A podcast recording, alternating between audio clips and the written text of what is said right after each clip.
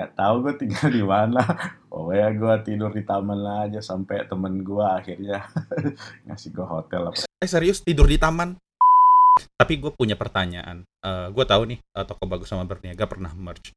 Menurut lu uh, sebagai orang dalam waktu itu apa sih upside dan downside-nya ketika dua company itu merge di satu? Podcast ngobrolin startup dan teknologi bareng gue Imbre dan di episode kali ini kita bakal ngobrol bareng Nurendra Toro, former CTO dari OLX Indonesia yang sekarang jadi advisor untuk startup-startup yang lagi dia coach. Kita ngobrolin banyak hal, mulai dari perjalanan karir dia sejak kuliah, sampai akhirnya dia bisa jadi CTO, dan kita akan cerita tentang banyak hal. Jadi jangan ke mana-mana, dengerin terus podcast ngobrolin startup dan teknologi. Podcast ngobrolin startup dan teknologi ketemu lagi bareng gue Imbre dan kali ini uh, gue udah bareng Mas Rendra Toro, uh, salah satu teknologi advisor di PT Perintis Teknologi Nusantara dan juga former CTO dari OLX Indonesia. Uh, kita sapa dulu, halo Mas Rendra, apa kabar? Halo, halo Imre, kabar baik. Makasih Mas udah mau menyempatkan waktu akhirnya setelah diskusi panjang akhirnya kita bisa menyempatkan ngobrol-ngobrol siap siap. Gua yang seneng banget nih. Udah diajak buat ngobrol. Oke, okay, sip. Uh, jadi sebelum kita uh, mulai, kalau boleh perkenalkan diri dulu dong, Mas. Ah, uh, aku sih dikenalnya Rendra Toro. Tapi nama panjangku cuma satu kata padahal sebetulnya Nurendra Toro. Aja karena orang susah nyebut namanya Nurendra Toro, jadi gue singkat gue permudah aja jadi Rendra sama Toro. Uh, gua sekarang sih kerja di Perintis Teknologi Nusantara as Teknologi Advisor. Uh, hari-hari kerjanya ya kalau dulu teki banget mungkin lebih banyak ke code, sekarang lebih banyak coaching. Masih ada code dikit paling buat riset hal-hal baru yang belum pernah gue cobain. Dan kadang-kadang apa yang gue riset gue coba implement ke startup-startup yang lagi di coach sih. Lebih banyak ke produk sama tech sih sekarang untuk bantuin startup-startup yang di bawah bimbingannya si PT Perintis Teknologi Nusantara. Ah, ah. Gue penasaran nih mas, kalau gue lihat dari LinkedIn lo, lo itu dulu adalah lulusan teknik mesin, kemudian uh, akhirnya lo ambil, uh, lo lanjut sekolah lagi untuk ambil computer science tahun 2008 pertanyaan gue adalah setelah lu berkarir sebagai mechanical engineering apa yang membuat lu akhirnya lu memutuskan untuk ya udah deh gue mau lanjut computer science gitu? Oke. Okay. sebetulnya sebetulnya gue lebih suka computer science sih. Karena gue sendiri okay. udah dari kecil itu sama bokap dikasihnya uh, komputer dulu. Dari kelas berapa ya? Tiga kali ya? Tiga ya? Tiga SD atau empat SD dan kelas 4 itu gue dikenalin programming sama ada kakak sepupu yang sekarang jadi dosen di Presiden University sama kayaknya dia jadi staff ahli juga di Kominfo. Itu yang racunin ngoding dari kecil tuh dari SD zaman itu kan tahun 86 ya komputer masih hitam dan putih kali ya. Jarang orang punya. Tapi karena bokap gue tuh kerjanya S uh, librarian gitu ya, orang pustaka yang ngurusin jurnal-jurnal penelitian di Balai Penelitian Tanaman Pangan dulu di Maros di Sulawesi Selatan ya. Kayaknya dia tahu kali ke depannya tuh masa depan tuh ada di komputer jadi kalau anak lain dibeliin motor, gue dibeliin komputer buat main game katanya. Karena gue suka main game. Hmm. Zaman dulu kan kita ada apa tuh? Uh, Nintendo ya masih 8 bit kali iya, yang Mario iya. Bros itu ya. Tahun berapa itu? iya. ya 80-an lah. Iya. Belum lahir kayaknya gue ya. Oh iya ya, masa sih? Ada. Iya, uh, gue masih muda mas. Aja, iya iya iya. uh, uh, makanya, makanya tahun-tahun segitu tuh gue agak iri sih sebetulnya ngeliat temen gue punya. Ya, zaman itu tuh ada motor yang keren banget namanya Yamaha kristal. Yang lain pada dibeliin motor itu okay. gua gua dibeliin PC sih. Tapi sebenarnya PC gua seharga motor itu tapi ya udahlah. Gua pikir bokap gua mungkin pengen belajar gua pengen gua belajar sesuatu dari PC ya udah. Sampai akhirnya gua diracunin ngoding sih dulu. Itu uh, apa ya dulu masih Key Basic atau GW Basic gue diajarin sama sepupu gue tuh yang di Kominfo sekarang. Terus gua kuliah sebetulnya ngarep sih bos, ngarep masuk teknik informatika di Gunadarma atau di Binus. Waktu itu gue dapet beasiswa buat masuk Binus, jadi nggak bayar sebetulnya. Terus? Iya, tahun 97. Kenapa nggak lu ambil? Mak gua kagak suka gua masuk teknik informatika. Katanya Oh. kata nyokap tuh kalau masuk teknik informatika nanti kerjanya itu ngurusin printer sama ngurusin kabelan di kantor. Karena di kantornya dia orang lulusan teknik informatika itu kerjanya ngurusin printer sama kabelan. Kan emak gua pegawai depan kan departemen pertanian. Jadi dia taunya orang lulusan Iya, iya, iya. IT ya ngurusin printer sama kabelan dia nggak mau gue bernasib seperti itu dipanggil disuruh benerin gitu gitu kali ya. Ya sudahlah. Tapi kalau eh, teknik mesin boleh. teknik mesin teknik elektro boleh pokoknya harus masuk teknik. Jadi ya udah. Gitu. itu akhirnya gua cobalah masuk ke teknik di UI tadinya gua prefer teknik elektro sih. Hanya karena teman bilang lu eh, elektro itu pilihan kedua kata dia. Pilihan pertama tuh teknik mesin karena di UI ini paling susah masuk teknik mesin gitu. Di Poltek dulu ya. Karena peserta sebelumnya tuh 3000 eh, pelamar buat teknik mesin yang masuk cuma 55 orang. Tahun itu 9 eh 98 ya. Gue pikir ya mungkin. Ya, kenapa? Ah, gue pikir ya ya karena waktu 97 gue nyobain gua gua gagal. Jadi sembi- 97 gue nyobain ke adalah ke akademi-akademi milik negara tapi gak ya gua fuck up jadi gua gak lanjut. jadi 98 gue nyoba lagi masuk UI. Oke, gue penasaran. Setelah lu masuk mesin, terus lu kuliah, lu menyesal nggak memilih mesin? Sempet menyesal terus gue maju ketemu dosen terus dosen gua menyarankan ya gue tetap stay karena sebetulnya di mesin ada namanya mekatronik mekanik elektronik informatik dan itu cenderung ke Oke. robotik nah lu kalau suka ngoding kata dosen ya di situlah lu bisa ngembangin diri. Ya udah berarti Hmm. itu gua tahan-tahan tuh semester 1, semester 2, semester 3, semester 4 banyak belajar mesin sama yang lain-lain lah yang sebetulnya gua gua nggak begitu suka sih sebetulnya. Kayak mesin bakar apa ya udahlah gue nikmatin aja lah ketemu oli ketemu hidrolik eh, apa apalagi semester 1 semester 2 ngikir lah ngebor lah things that I Iya iya iya. S- banget suka lah nggak nggak nggak gue anggap itu hal yang awesome lah itu. Tapi ya gue nikmatin lah. Tapi setelah lulus lu ini kerjanya masih di mesin juga? Atau lu pindah udah pindah ke informatik? pas gua menjelang lulus tugas akhir aja gua udah bikin itu sih. Udah bikin eh, conveyor indexing yang pakai PLC programmable logic controller. Dan itu ngoding sih memang.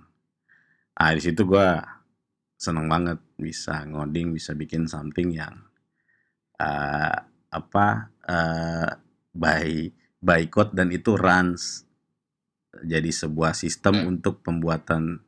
Kalau nggak salah dulu itu project gua pembuatan silinder buat motor Honda Legenda 2 Wah tahun berapa tuh coba?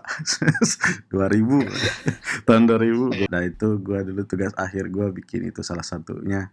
Jadi lulus ya lulus gua masih kerja di manufaktur itu kalau nggak salah ya manufaktur yang bikin pin-pin gitulah pabrik buat bikin colokan USB itu itu ya ada ada hubungannya dengan code juga karena dia pakai PLC juga tapi lebih banyak ke mekaniknya.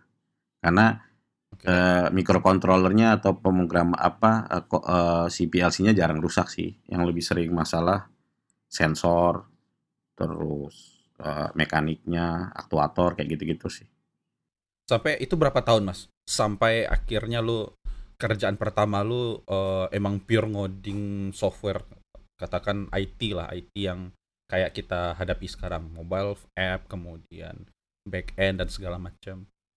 Hmm, waktu 2004 sih sempat juga kayak bikin sistem gitu gua.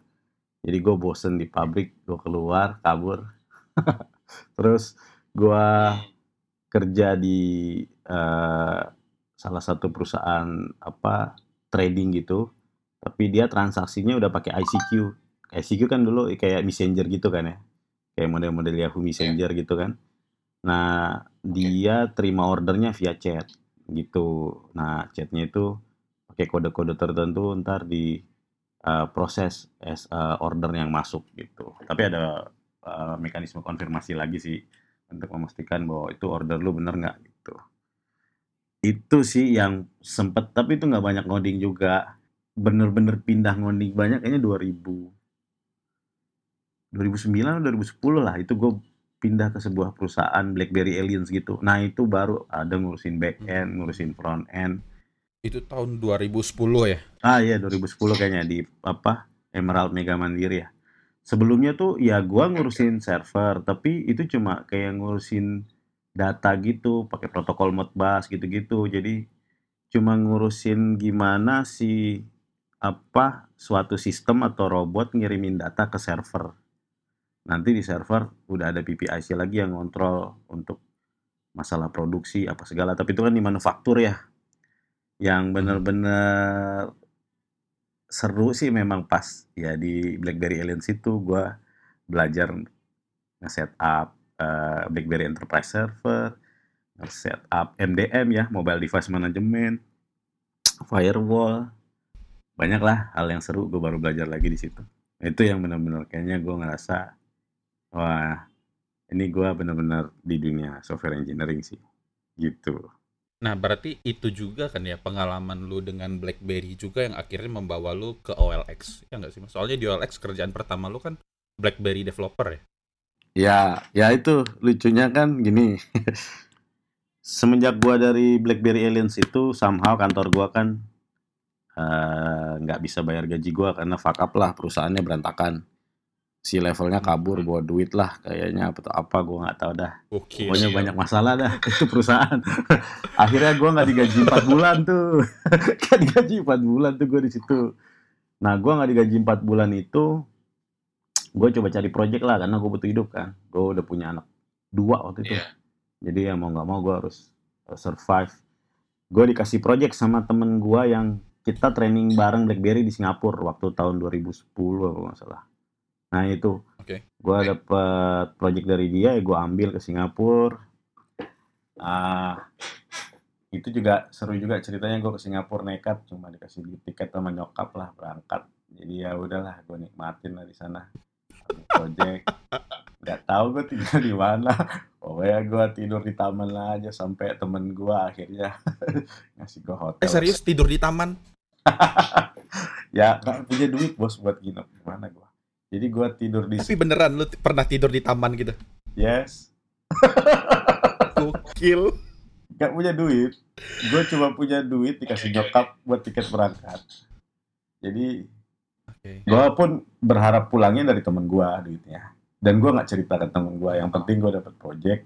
Anak bini gue di rumah bisa makan, bisa hidup. Kita bisa lanjut hidup. Perkara gue malam itu tidur di taman nggak apa-apa lah. Tapi malam berikutnya gue ngomong sama temen gue wah lo bisa kasih gue hotel atau di mana yang deket kantor biar gue bisa tidur gitu. Dan akhirnya dapet sih dikasih sama dia. Walaupun dia dengan berat hati kenapa lu nggak ngomong dari kemarin? Ya gimana waktu itu lah gue gue gak enak sama dia karena dia ada urusan waktu itu. Jadi gue prefer biar dia apa namanya uh, nyelesain urusannya dia baru gue minta tolong jadi uh, itu gue bikin perusahaan yang artificial intelligence itu. Uh, uh, di situlah start gue bikin. Karena teman gue yang di sana tuh yang di Singapura dan dia punya perusahaan Singapura dan Malaysia dia pengen gue bikin perusahaan aja jangan personal ke dia. Jadi untuk masalah pajak yang dagingnya lebih gampang buat dianya juga. Dan katanya gue juga bisa lebih berkembang karena gue bisa belajar. Jadi entrepreneur lah kayak dia gitu. Dia pengen gue okay. okay mengikuti jalan dia. Jadi gue bikin perusahaan. Nah perusahaan itu sebetulnya jadi vendornya berniaga waktu itu bos. Di situlah gue belajar e-commerce, gue belajar oh ternyata e-commerce nggak semudah yang gue bayangkan. Kalau gue lihat websitenya kan ya elah cuma bikin beginian doang. Apa susahnya sih? Begitu gue masuk ke dalam, oh ternyata karena trafficnya tinggi dia harus pakai teknologi begini, begini, begini. Terus dia harus secure uh, data usernya caranya begini begini begini terus ada platform yang mereka pakai globally bareng gitu kan karena kan waktu itu kalau nggak salah mereka pakai platform yang blocket yang dari Eropa Oke. dan itu bagus banget dan gue belajar banyak sih di berniaga. Nah karena gue punya pengalaman banyak di berniaga tentang mobile apps-nya, tentang back end-nya, tentang how they run the uh, apa uh, uh, they run the server sama platformnya, bla bla bla banyak lah gue belajar tentang teknologinya. Diajaklah gue sama Michal waktu itu CEO-nya Toko Bagus, Michal Klar untuk join Toko Bagus. Ya udah, akhirnya gue join Toko Bagus. Itu pun dengan tanpa ditawar gaji gue cuy. gue jadi nyesel Iya. waktu itu. Tahu gitu gue kali tiga. Jadi lu terima terima aja gitu waktu itu. Iya. Jadi pas gue bilang, e, lu bisa kerja di sini bisa, Eh, tapi gue minta gaji segini gimana? Segitu gue anggap itu gue ngasih gaji ke dia dengan harapan dia nggak bakalan jadiin gue karyawan. Jadinya dilempar vendor aja kerjaan ke gue gitu kan, karena gue tawarin gitu kan. Eh kagak dong dia langsung bilang ya udah, gue kasih segitu, lu kapan bisa mulai kerja? Anjir salah kasih angka gue. Berarti harusnya lu nunggu nunggu offering dia aja nggak sih? ah, dia dia dari awal udah langsung nanya lu kalau kerja di sini lu mau minta gaji berapa? Ya gue pikir waktu itu ya gue udah tanya ke semua tempat BlackBerry developer itu nggak gede-gede amat lah gajinya. Gue coba jauh di atas itu gitu. Dikasih. dikasih makanya gue kaget wah gila nih. Ini ada apa ini perusahaan sekuat apa sih kenapa berani bayar developer? Begitu gue masuk ke dalam ya ternyata developernya bagus-bagus semua dan ya memang dia butuh orang kuat sih di BlackBerry karena dia punya platform sebelumnya itu dikerjain vendor jadi dia baru mau coba in-house BlackBerry-nya gitu. Anjir. BlackBerry itu tua banget. Bahkan sekarang nyari developer BlackBerry kayaknya udah nggak ada lagi ya.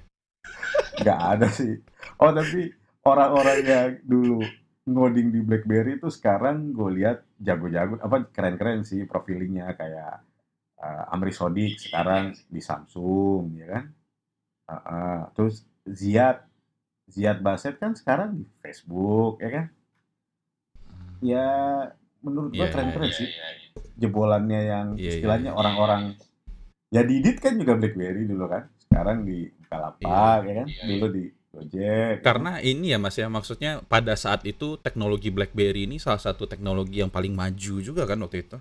ya dan dulu kan popularitas BlackBerry itu jauh di atas Android dan Apple zaman dulu ya karena Iya iya. awal-awal kan mobile device itu orang geser dari Nokia ke BlackBerry karena eksklusivitasnya dulu. Orang dulu pokoknya kalau orang pakai BlackBerry itu langsung dianggap wah itu orang kaya tuh. Karena kalau nggak dapat dari kantor, fasilitas kantor karena dia uh, udah level-level manajer ke atas atau yang kedua ya memang dia punya duit buat beli device-nya karena dulu BlackBerry mahal.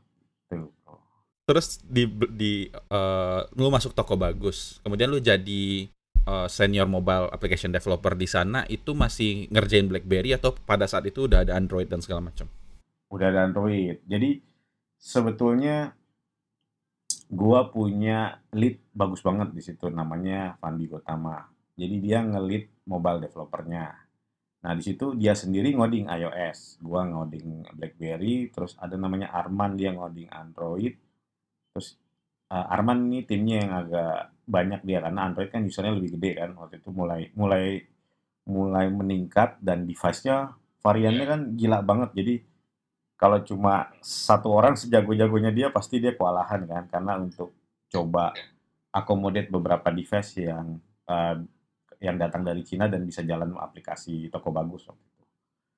Da- dari situ eh, Fandi ini memang eh, ngelihat potensi orang. Jadi kalau orangnya bagus dia suka challenge dia. Lo mau nyobain ini nggak? Lo mau nyobain ini nggak? Nah kebetulan gua pernah punya pengalaman karena bikin software house ya pernah punya pengalaman bikin yang iOS juga dan notabene kan waktu itu Android masih starting ya masih yang ya lu developnya bisa pakai NetBeans sama Eclipse zaman dulu kan tinggal pasang plugin Iya, aja iya, kan iya. plugin buat Android kan Heeh. ya gue pikir da- sama BlackBerry nggak jauh-jauh beda ya bener gue nyobain gue bisa adaptasi cepat walaupun gue nggak se-expert yang hari-hari ngoding Android kayak si Arman gitu ya tapi si Fandi ngasih gua kesempatan kalau gua mau nyobain ke tempat lain. Nah, kebetulan waktu itu BlackBerry udah turun usernya bro yang naik Android dan si Fandi mulai kewalahan untuk ngerjain iOS-nya karena dia kadang-kadang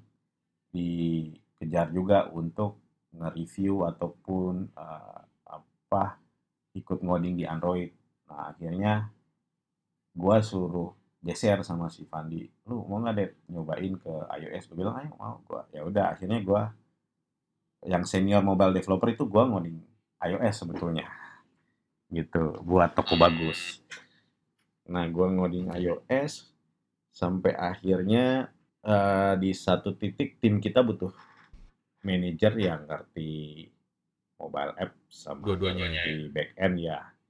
Istilahnya biar bisa bantu uh, developer yang mobile uh, bisa align sama back end sama bisa raih goalnya lah untuk beberapa fitur yang memang lagi dikejar waktu itu.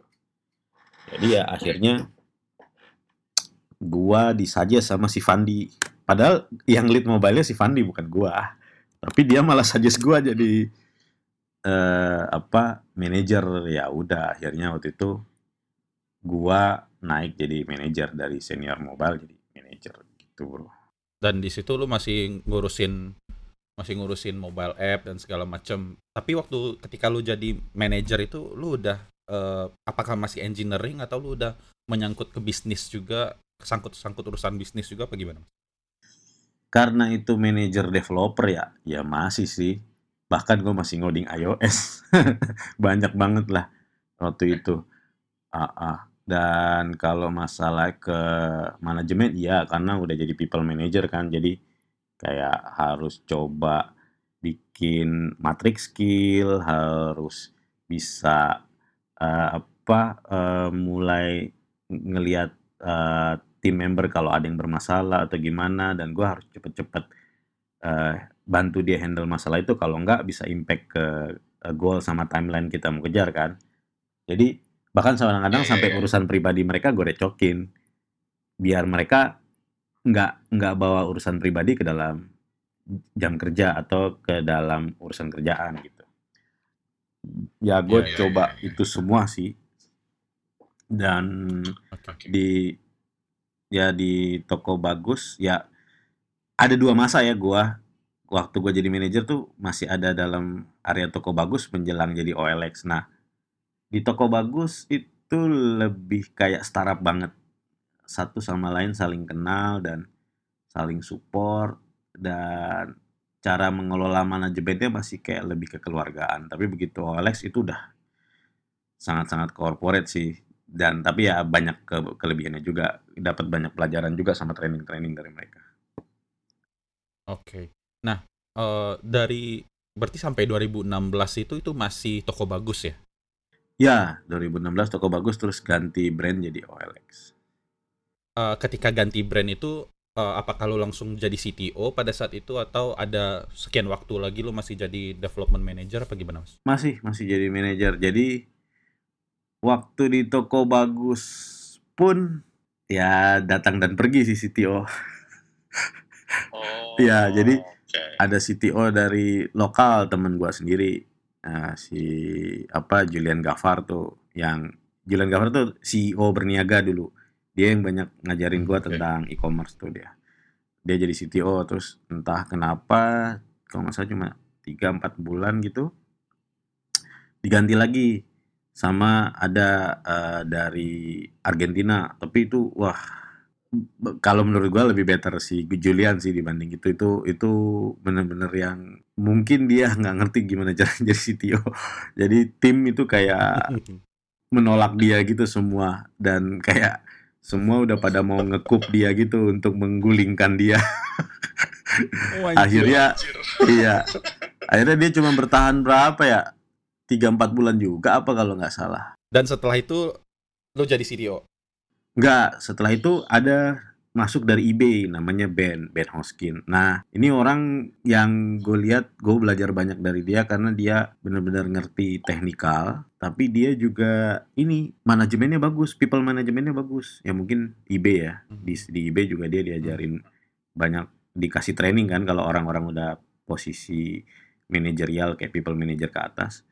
Terus dia juga apa approach ke manajer-manajernya bagus dan ya gua paling banyak di coaching sama dia sih sebetulnya. Nah, dia yang coaching gua gimana jadi CTO yang baik karena dia bilang, "Lu keluar dari sini, lu tuh udah bisa jadi CTO sebetulnya. Lu tinggal keluar dari sini, startup mana pun kayaknya terima lu, lu bakalan jadi CTO. Tinggal lu mau jadi CTO yang kayak gimana?" Dia bilang gitu. Nah, kalau lu mau jadi CTO yang bagus, ayo kita belajar bersama gitu. Jadi dia lebih lebih apa ya? Oh, tipikalnya lebih belajar bersama bukan dia ngajarin gua gitu. Padahal sebetulnya dia ngajarin gua sih gitu. Nah, dia sekarang jadi Hmm. CTO lagi di Jerman kalau nggak salah. Di startup yang matchmaking buat orang umur 40-an ke atas dan itu monetize Iya. banget lah dia. Duitnya udah banyak kayaknya dia, makanya dia nggak pernah mau balik lagi sini padahal bini orang sini. Nah, eh, abis itu dia eh, cabut, abis itu lo, lo jadi CTO. Ya, Kenapa akhirnya lu mas yang jadi CTO? Maksudnya kan ada banyak orang lain mungkin di samping lo. Ada manajer-manajer lain sih. Bahkan ada satu technical manager yang megang infra yang deket banget sama teman-teman DevOps yang sebetulnya tahu banget costing eh, running the operation di kantor. Tapi gue bingung kenapa nggak dia kenapa gua gitu kan. Eh, ternyata si Ben ini punya pertimbangan sendiri. Jadi dia lebih prefer nyari leader yang bisa ngayomin timnya. Dan dari semua technical manager waktu itu ada gua yang orang DevOps ada ada si Adit yang setelah gua cabut dia jadi head of tech-nya. Terus ada si eh, Tegar ya kalau salah. Dari semuanya dia ngomong ke manajemen untuk eh, gua aja yang jadi CTO gitu. Jadi gua sendiri nggak tahu gitu loh bro gua tuh tahu taunya Hmm. cuma dia manggil gua dia bilang gua bakalan cabut balik ke Jerman. Lu siap kan jadi CTO jadi udah waktunya lu gitu dia bilang gitu. Ya gua bilang wah gua nggak ngira secepat ini karena dia baru setahun apa nggak salah ya? setahun apa? Ya dia baru setahun kok tiba-tiba dia mau cabut. Ya gua agak kaget sih sebetulnya. Gitu. Tapi ya udahlah karena dia udah ngomong begitu terus dia udah dia udah ngerasa dia udah ngajarin gua banyak hal dan dia memang dari awal ngelihat katanya gua punya potensi untuk ngelit people. Walaupun sebetulnya gua nggak expect juga sih jadi CTO karena gua dari dulu kan nggak banyak menyentuh area namanya DevOps di kantor karena udah ada manajernya. Jadi gue pikir yang bakalan jadi calonnya dia gitu. Tapi ternyata enggak ternyata gua dan itu karena pertimbangan ini sih as a people manajernya bukan pertimbangan skill ternyata atau knowledge. Gitu. Jadi Iya, iya. ternyata CTO tuh sebetulnya lebih ke people managing rather than technical. Kalau technical kata dia tuh ya udah kalau mau cari technical hire VP aja. Gitu bos. Gue punya pertanyaan mas terkait uh, mergernya toko bagus sama berniaga. Nah, gue kan sekarang nih lagi uh, hot nih isu di mana Grab dan Gojek tuh mau merge. Uh, ini kan di berita banyak beredar, gue baca beberapa. Tapi gue punya pertanyaan. Uh, gue tahu nih uh, toko bagus sama berniaga pernah merge. Menurut lu uh, sebagai orang dalam waktu itu apa sih upside dan downside-nya ketika dua company itu merge di satu? Oke. Kalau toko bagus sama berniaga kan itu awalnya gara-gara toko bagus ada siapa di belakangnya dan berniaga ada siapa di belakangnya kan. Mm-mm, Jadi toko bagus kan di belakangnya itu sebenarnya Nasper. Nasper itu kan menguasai pasar C2C globally seluruh dunia. Walaupun seluruh Oke. dunia nggak dia kasih nama OLX sih. Ada yang kayak sekarang namanya Dubizzle atau yang lain-lain ya. Tapi itu semua punya Nasper sih yang C2C. Dan ada kompetitornya untuk di seluruh dunia ini. Nah, itu Oke. eh, perusahaan dari Eropa namanya itu Shipstead. Nah, Shipstead itu yang punya berniaga, oh. yang punya mudah Oh, MY I see. kalau di Malaysia. Terus yang punya Ayos Hmm. Ditos kalau nggak salah ya.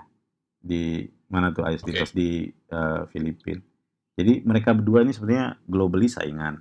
Kalau gue lihat mereka berdua ini ada agreement kayak, oke lu udah menang market di sini ya udah, lu eh, maju yang di situ yang di negara itu gue mengalah, di merge jadi satu. toh kalau nggak di merge jadi satu mereka kan dua-duanya bakalan money aja terus-terusan kan saing-saingan kan Iya. dan itu ya mau sampai kapan kan yang ada kedua perusahaannya nggak bakalan bisa profit profit dong nggak bakalan bisa ngejar profit kan kalau kayak gitu terus-terusan kan ya kan kalau burn money terus-terusan Oke. ya walaupun yang diuntungkan kita sih as customer ya kan Iya, iya, iya. tapi kan betul. untuk as company nggak bisa lah kayak gitu company kan butuh ini juga butuh revenue kan buat bisa long Oke. last sama jalan nah gitu jadi waktu itu keputusannya kayak di Indonesia eh, berniaga mengalah di blend ke OLX brand tapi di negara lain eh, itu ditutup kayak di mana? Di eh, Thailand ditutup. Jadi yang menang Shipstead Shipstead Group gitu bro. Oh. dan kayaknya kalau kayak gitu tuh sah-sah aja sih. Yang penting as a business gimana dealnya sih? Biar ya udah kita nggak usah misalnya kita nggak usah berperang lagi nih berdua. Kita gencatan senjata ya udah. Lu yang menang di mana ya udah eh, gua ngikut. Tapi akhirnya kan at the end-nya dua-duanya punya saham di, di semua tempat kan?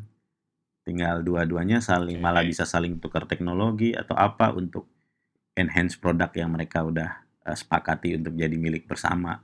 Karena dua-duanya punya saham di produk itu gitu kan. Gitu. ya bagus sih menurut gua. Impact bagusnya ada. Impactnya dari sisi bisnis udah nggak perlu lagi burn money ya kan? Nah, paling dari sisi manajemen sama people-nya. Itu kalau ya people-nya udah kayak toko bagus berniaga itu kan udah kayak mendarah daging kan apa perseteruannya sampai Iya, iya. ya istilahnya yang kayak gua dulu jadi vendor berniaga masuk toko bagus tuh udah ya wah udah di berniaga udah yang "Hmm, itu ini," gitu dia omonginnya udah nggak enak banget pasti kan tapi Iya, iya, iya. iya. tapi ya kalau lu nggak bisa terima keadaan itu kan akhirnya berarti kan lu keluar kan dan harus cari tempat lain kan. Padahal bisa dibilang industri itu industri yang menurut gua sih bagus banget marketnya. Ya to be honest gua bisa bilang selama perjalanan karir gua mau kerja jadi robot di manufaktur apa segala gua ngerasa bener-bener dimanusiakan jadi karyawan itu ya di OLX ya walaupun dengan sekarang ya karena sekarang kan sama temen temen gue dia baik banget sama gue tapi kalau yang selain dari sekarang yang gue merasa benar-benar dimanusiakan tuh di OLX gitu bos. Mereka mereka benar-benar profesional lah untuk eh, apa menganggap kita sebagai karyawannya. Terus gue punya satu pertanyaan lagi mas. Eh, kan pada akhirnya gue lupa tahun berapa kayaknya sekitar dua tahun lalu ya. Akhirnya kan produk MTech dan OLX di OLX ini kan eh, ditutup ya, iya nggak sih? yang mana oh iya produk entek-nya di OLX ya ditutup Ya pro- produk MTech di OLX kan ditutup. Nah, lu sebagai leader pada saat itu apa yang lo lakukan ke tim engineering produk?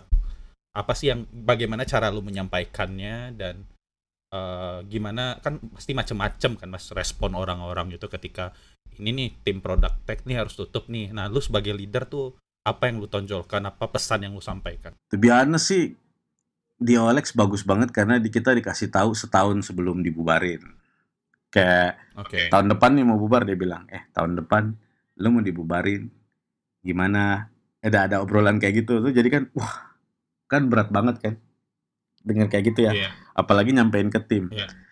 gua tuh sampai gimana cara ngomongnya gue mikirnya lama gitu sampai gua gua kan ngantor dulu kadang bawa mobil sendiri kan. Kadang gue di tol jalan nangis juga ini gimana ngomongnya. Gue baru kali ini punya tim yang bagus yang keren banget orang-orangnya asik semua. Yang kita tuh bener-bener solid gitu jadi as a team semuanya gitu ya. Iya. Eh, tim tim tech terutama ya karena gue CTO-nya kan. Kalau produk kita dipisah soalnya ada lagi. Eh, gue ngerasa gue udah punya tim itu keren banget solid banget aduh gue disuruh ngasih tabar bahwa tahun depan kita harus bubar. Wah itu berat banget. Dan kalaupun ada yang masih lanjut itu ditarik ke pusat. Dan nggak semuanya masalahnya eh, bro ditaruh ke pusat. Cuma orang-orang yang dipilih di mana? aja. Pusatnya di mana, Mas? Eh, tech hub-nya tuh ada di Berlin di Jerman. Ada di Lisbon di Portugal sama ada satu lagi di Buenos Aires ya di Argentina.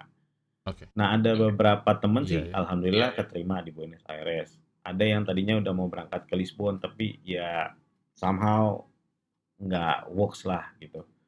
Terus ya sisanya memilih tidak berangkat.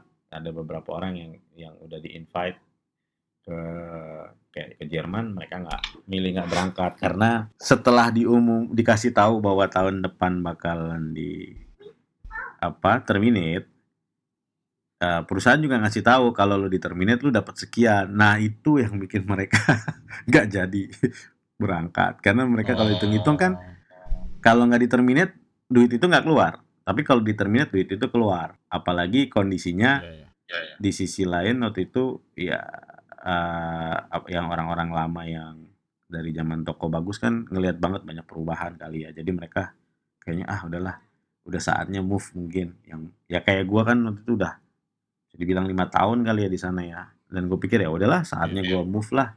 Gitu. Tadinya gua juga considering ke Jerman hanya ngelihat biaya ngelihat anak harus pindah sekolah kayaknya ribet banget.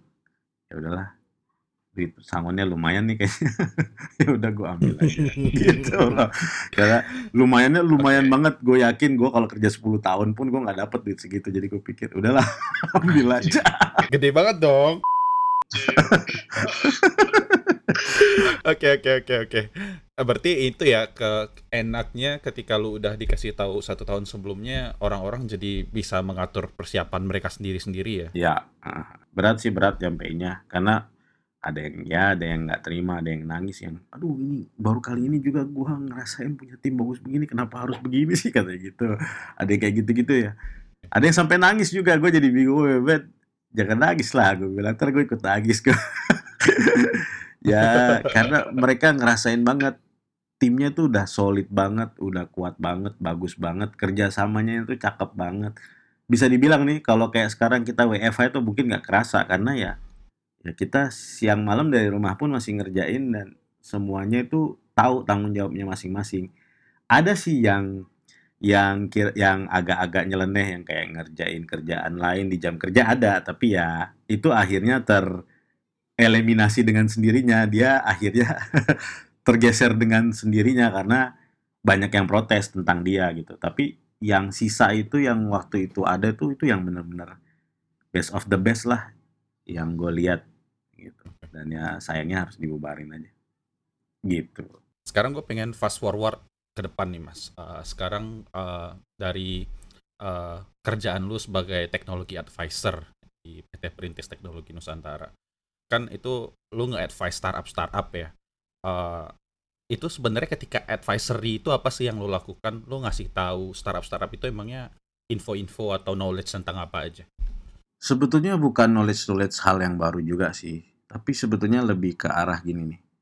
Setiap startup kan punya goal-goal tertentu untuk capai bisnis goal atau goal jangka pendek atau ada sesuatu yang mau juga di- diraih jangka panjang untuk keberlangsungan bisnis apa sustainable bisnis gitu kan ya. Dan kadang kan ada beberapa startup yang memang eh, foundernya kagak Nah, dia tahu bisnis modelnya aja sama gimana jalaninnya tapi dia nggak tahu ini technya harus gimana. Ada juga yang ngerti tech tapi pikirannya udah pengennya yang perfect secara engineering. Padahal kan kadang perfect secara engineering bukan solusi juga kan. Karena costnya atau timelinenya mungkin nggak meet sama kebutuhan bisnis. Nah di as a technology advisor itu lebih cenderung ke ini sih ke gimana caranya mereka bisa raih goalnya si startup ini tapi tetap memilih teknologi-teknologi yang istilahnya tepat guna lah buat mereka. Dan mungkin ya sesuai dengan budget sesuai dengan timeline sama sesuai dengan ya, jumlah atau user yang mau diarah sih gitu. Targetingnya pas gitu. Jadi costly-nya juga mungkin bisa nggak terlalu gede-gede amat gitu. Pas lah dengan budgeting yang diberikan sama teman-teman dari finance dari timnya mereka gitu sih bro karena gua eh, sempat juga diajakin teman untuk coba coaching dulu sebelumnya coaching-coaching startup dan banyak gue lihat startup tuh yang overwhelming gitulah dari sisi teknologi Mereka pakai sesuatu yang Over engineer ya. Iya, terlalu engineeringnya terlalu keren gitu yang ya itu nggak kepake juga gue bilang. Percuma nanti jadi maintenance-nya lu ribet apa segala. Nah mereka nggak mikir ke sana, mereka cuma pikirnya "Hmm, teknologi baru nih keren nih kalau dipakai. Ya keren kan belum tentu pas kan, belum tentu cocok kan. Kita kan butuhnya Iya, iya, iya. teknologi yang tepat lah gitu, gitu bro.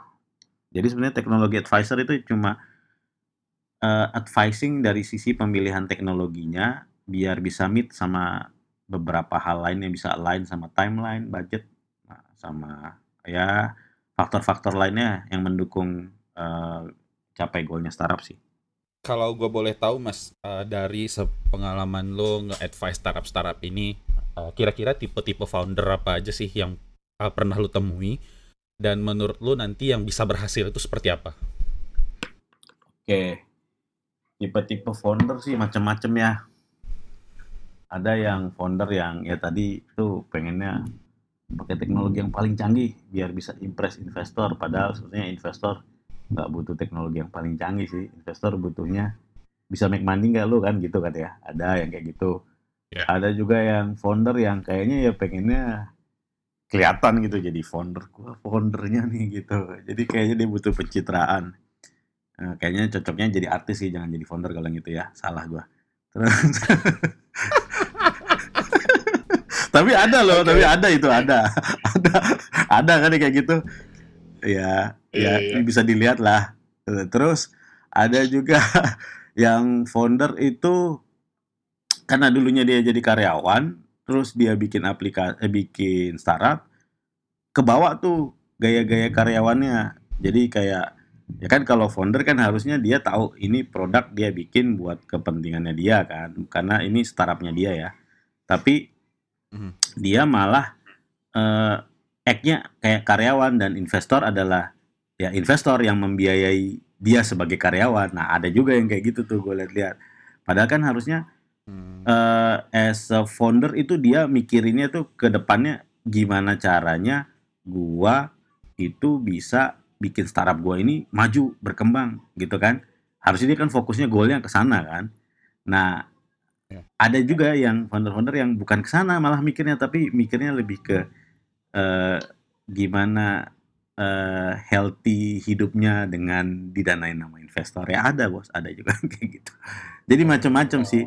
Ah, ah. tapi yang gue lihat fan, apa founder-founder yang berhasil tuh yang memang dia fokus, dia udah set goalnya.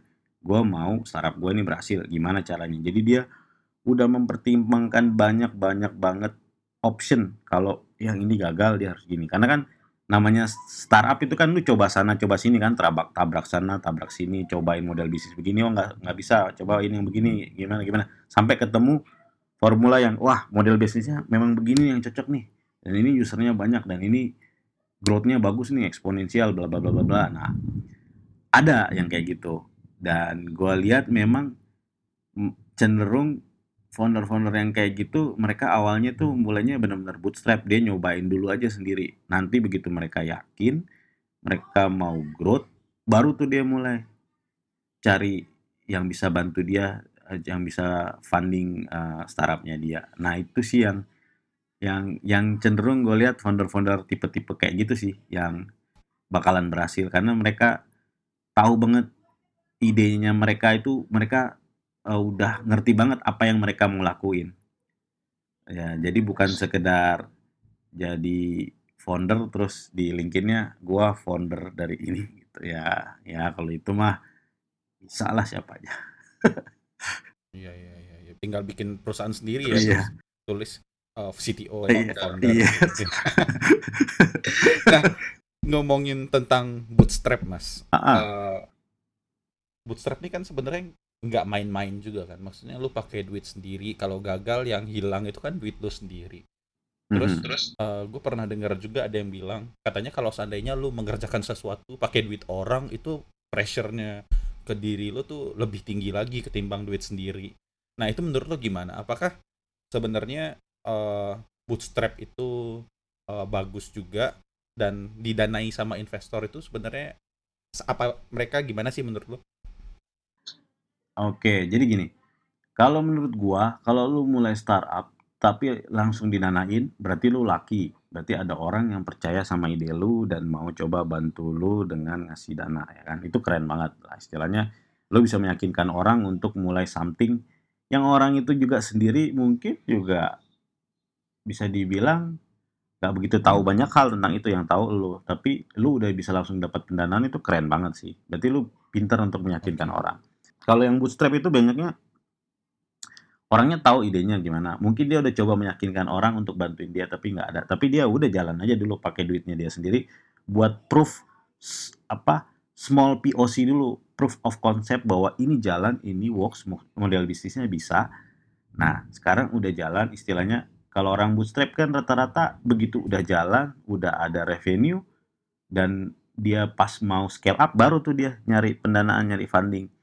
Nah, hmm. itu sih menurut gua itu bagus banget gitu. Karena lu udah proof something dulu yang small yang bisa lu bawa untuk maju ke investor bahwa ini smallnya jalan works tinggal gue butuh scale gue butuh dana. Itu kan uh, istilahnya lu minta dana dengan uh, reason yang jelas. Karena lu udah ada proof uh, something yang lu bisa buktiin walaupun dalam skala yang kecil tinggal digedein aja gitu kan dan kalau gede kan memang butuh pendanaan kan uh, kalau mau yeah, cepet yeah. gitu kan nah, kalau pakai duit orang bikin startup pressure-nya gimana ya menurut gue iya sih memang bakalan pressure-nya lebih tinggi tapi kan itu juga meningkatkan ada satu hal lagi yang namanya stresnya jadi lebih tinggi bukan ya dan Oh, iya iya. Menurut gua stres itu nggak semua orang bisa manage sih gitu. Let's say kayak gua mungkin dengan umur gua yang sekarang gua udah nggak bisa manage stres waktu kayak gua kemarin masih umur 30-an sih.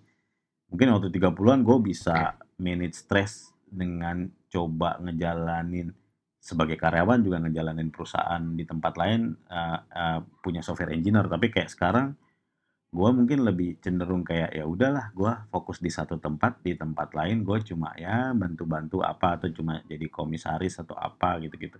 Jadi nggak semua orang bisa handle yang namanya stres. Dan kalau memang kita masih muda sih dan mau di challenge untuk coba uh, pakai duit orang buat bikin startup ya kalau itu bisa bikin semakin bersemangat untuk uh, apa makes things works gitu ya oke okay juga. Karena ya nggak salah juga sih sebenarnya tiap-tiap orang punya pendapatnya masing-masing untuk lebih termotivasi untuk jalanin startupnya sih kalau menurut gua. Iya iya. Kalau gua ngelihatnya jangan jadikan pendanaan dari investor itu sebagai uh, alasan kita untuk mengambil langkah kalau kita pengen melakukan sesuatu ya. Kalau pengen ya lakukan aja uh, apa yang kita pengen kalau nanti seandainya emang ternyata di sana ada bisnisnya ya udah pendanaan dari investor dipakai untuk scale up gitu ya. Iya, iya, Bro. Soalnya itu lebih gampang sih menurut gua meyakinkan investor di, di kala lu udah ada something yang jalan dibanding lu belum ada sama sekali. Ya kalau nggak investornya percaya banget sama lo ya kalau nggak lu CS nama investornya dah lu baru bisa dapat dana sih biasanya. Iya. Atau atau pitch deck lu keren banget lah gitu sampai dia yang ternganga-nganga wah ini keren nih kita harus coba danain gitu ya. Iya. Uh, gue punya pertanyaan mas. Kalau dari sudut pandang lu sebagai advisor uh, dan mungkin sekarang lu lagi jadi tech advisor juga di sebuah visi ya katakan seperti itu. Mm -hmm uh, kalau sekarang nih lu ngelihat banyak startup yang tutup karena dampak covid. Menurut lu ketika tutup kan otomatis yang harus diselesaikan tuh ada banyak kan. Ada tanggung jawab lu ke customer ke karyawan dan juga ke investor nah itu menurut lu sebagai advisor seorang founder itu harus seperti apa sih ketika dia dihadapkan dengan uh, opsi untuk menutup perusahaannya dan apa yang harus dia lakukan terhadap karyawan, customer dan investor? Iya itu as a founder memang harus punya strategi komunikasi yang baik juga sih. Gimana caranya dia nyampein ke karyawan terutama ya, ke vendor-vendornya, ke partner bisnisnya bahwa uh, we are going to close the business kayak hal-hal kayak gitu kan memang berat ya. Tapi harus tetap yeah, disampaikan. Yeah. Dan kemampuan komunikasi si founder itu penting banget sih memang di situ. Karena ya mau nggak mau dia yang harus nyampein kan uh, uh, ya bad news bad news sih tapi ya itu some shit yang dia harus tetap ceritain kalau enggak ya itu bakalan balik ke dia lagi kalau dia terusin mungkin secara finance dia hitung ya yang ada dia rugi doang atau malah bisa uh, ke ranah yang uh, yang lain ya kalau akhirnya jadi uh, one prestasi atau apa-apa tapi memang paling sulit dari si founder untuk menyampaikan hal-hal itu dan tiap-tiap founder punya caranya masing-masing untuk menyampaikan berita seperti ini sih ke baik ke vendornya, ke partner bisnis atau ke karyawannya. Dan masing-masing uh, apa si founder ini biasanya udah tahu gimana cara menyampaikannya. Karena kalau kayak karyawannya dia kan dia udah kenal banget kan tipikal karyawannya gimana hmm. dia bagusnya diajak ngomongnya bagaimana. Ada yang founder yang kayak gini nih begitu dia menyampaikan hal buruk tuh hari itu tuh dia kayak beliin pizza semua karyawannya gitu atau dikasih makan dulu karyawan semua udah karyawan karyawan enak bilang eh kita ada town hall nih ada yang mau disampaikan baru dia ngomong gitu. ada yang kayak gitu bro ada ada ada kayak gitu ya ya gue menyaksikan sendiri kalau itu sih ada kayak gitu ada juga yang okay. dia nggak tega ngomongnya kan. Terus dia ngomongnya pas tanggal 1 April. Kan semua ngirainnya, wah ini April mau enggak, ini ternyata beneran gitu. ada bos, ada. Jadi itu karyawannya tadinya, wah enggak nih cuma April Mop doang. Terus segala lama dia bilang bahwa ini real, ini bukan April Mop, ini keputusan perusahaan, bla bla bla. Wah, ya jadi gue ngelihat memang tiap-tiap founder punya caranya masing-masing sih untuk menyampaikan hal-hal seperti ini. Dan ya itu berat sih sebetulnya buat si foundernya lagi. Apalagi kalau foundernya harus merelakan apa yang jadi milik dia pribadi ya untuk menyelesaikan masalah. Uh, belum lagi dia harus mikirin setelah ini dia mau ngapain kan karena untuk closing sebuah startup atau bisnis mungkin juga nggak butuh waktu sebentar mungkin banyak yang harus dia selesaikan dan mungkin take months untuk ada beberapa hal yang mungkin dari sisi kontrak belum selesai atau apa dan itu kan juga menyita waktu sama energi juga kan. Padahal si foundernya harus move on kan, lanjutin hidup atau dia harus bikin startup lainnya gitu. Ya tapi itu yang dialami founder sih. Makanya di masa-masa pandemik ini gue ngelihat banyak yang founder tutup, gue sebetulnya salut sama mereka. Mereka berani ngomong tutup dan gua nggak tahu apa yang sudah mereka lakukan sampai bisa bertahan sejauh ini pun gue yakin itu berat juga buat masing-masing founder karena gua udah ngeliat sih ada beberapa founder yang sampai dengan ikhlas dan sukarela ya harus mengikhlaskan beberapa apa eh, barang-barang pribadinya dia untuk biar bisa nyelesain uh, startupnya dengan baik-baik sih dengan pihak yang lainnya dan gue salut sih sama mereka. I see.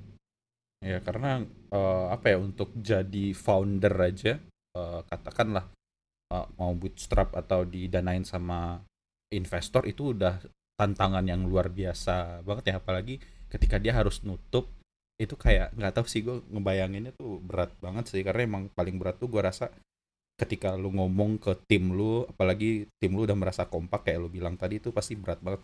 Menurut gue bukan cuma uh, menyita tenaga fisik tapi mental tuh dikuras banget ya sih mas? Iya mental sih yang kena ya istilahnya kalau iya. nggak kuat-kuat iman banget sih ya bisa stres juga sih bisa gila ya. ya bisa gila lah lu iya. punya karyawan 100 lu harus lepas kan gila iya, iya kan iya nah, ya tiba-tiba ada yang bilang gue punya anak nih yang harus dikasih makan anjir itu gue denger berat banget itu. iya Iya, kalau ada yang sampai bilang kayak gitu tuh udah pusing dah. Harus bagaimana lagi akhirnya ya kadang kita coba cariin sih. Kayak gue kemarin juga yang pas uh, apa uh, OLX gue coba cariin sih teman-teman tempat lain gitu. Tapi karena yeah. most of them is like ya gue bilang tadi best of the best lah, gampang banget lah mereka nyari. Iya, apalagi pada saat itu ini ya lagi hot-hotnya ya industri IT jadi kayaknya nggak susah-susah amat buat nyari lowongan.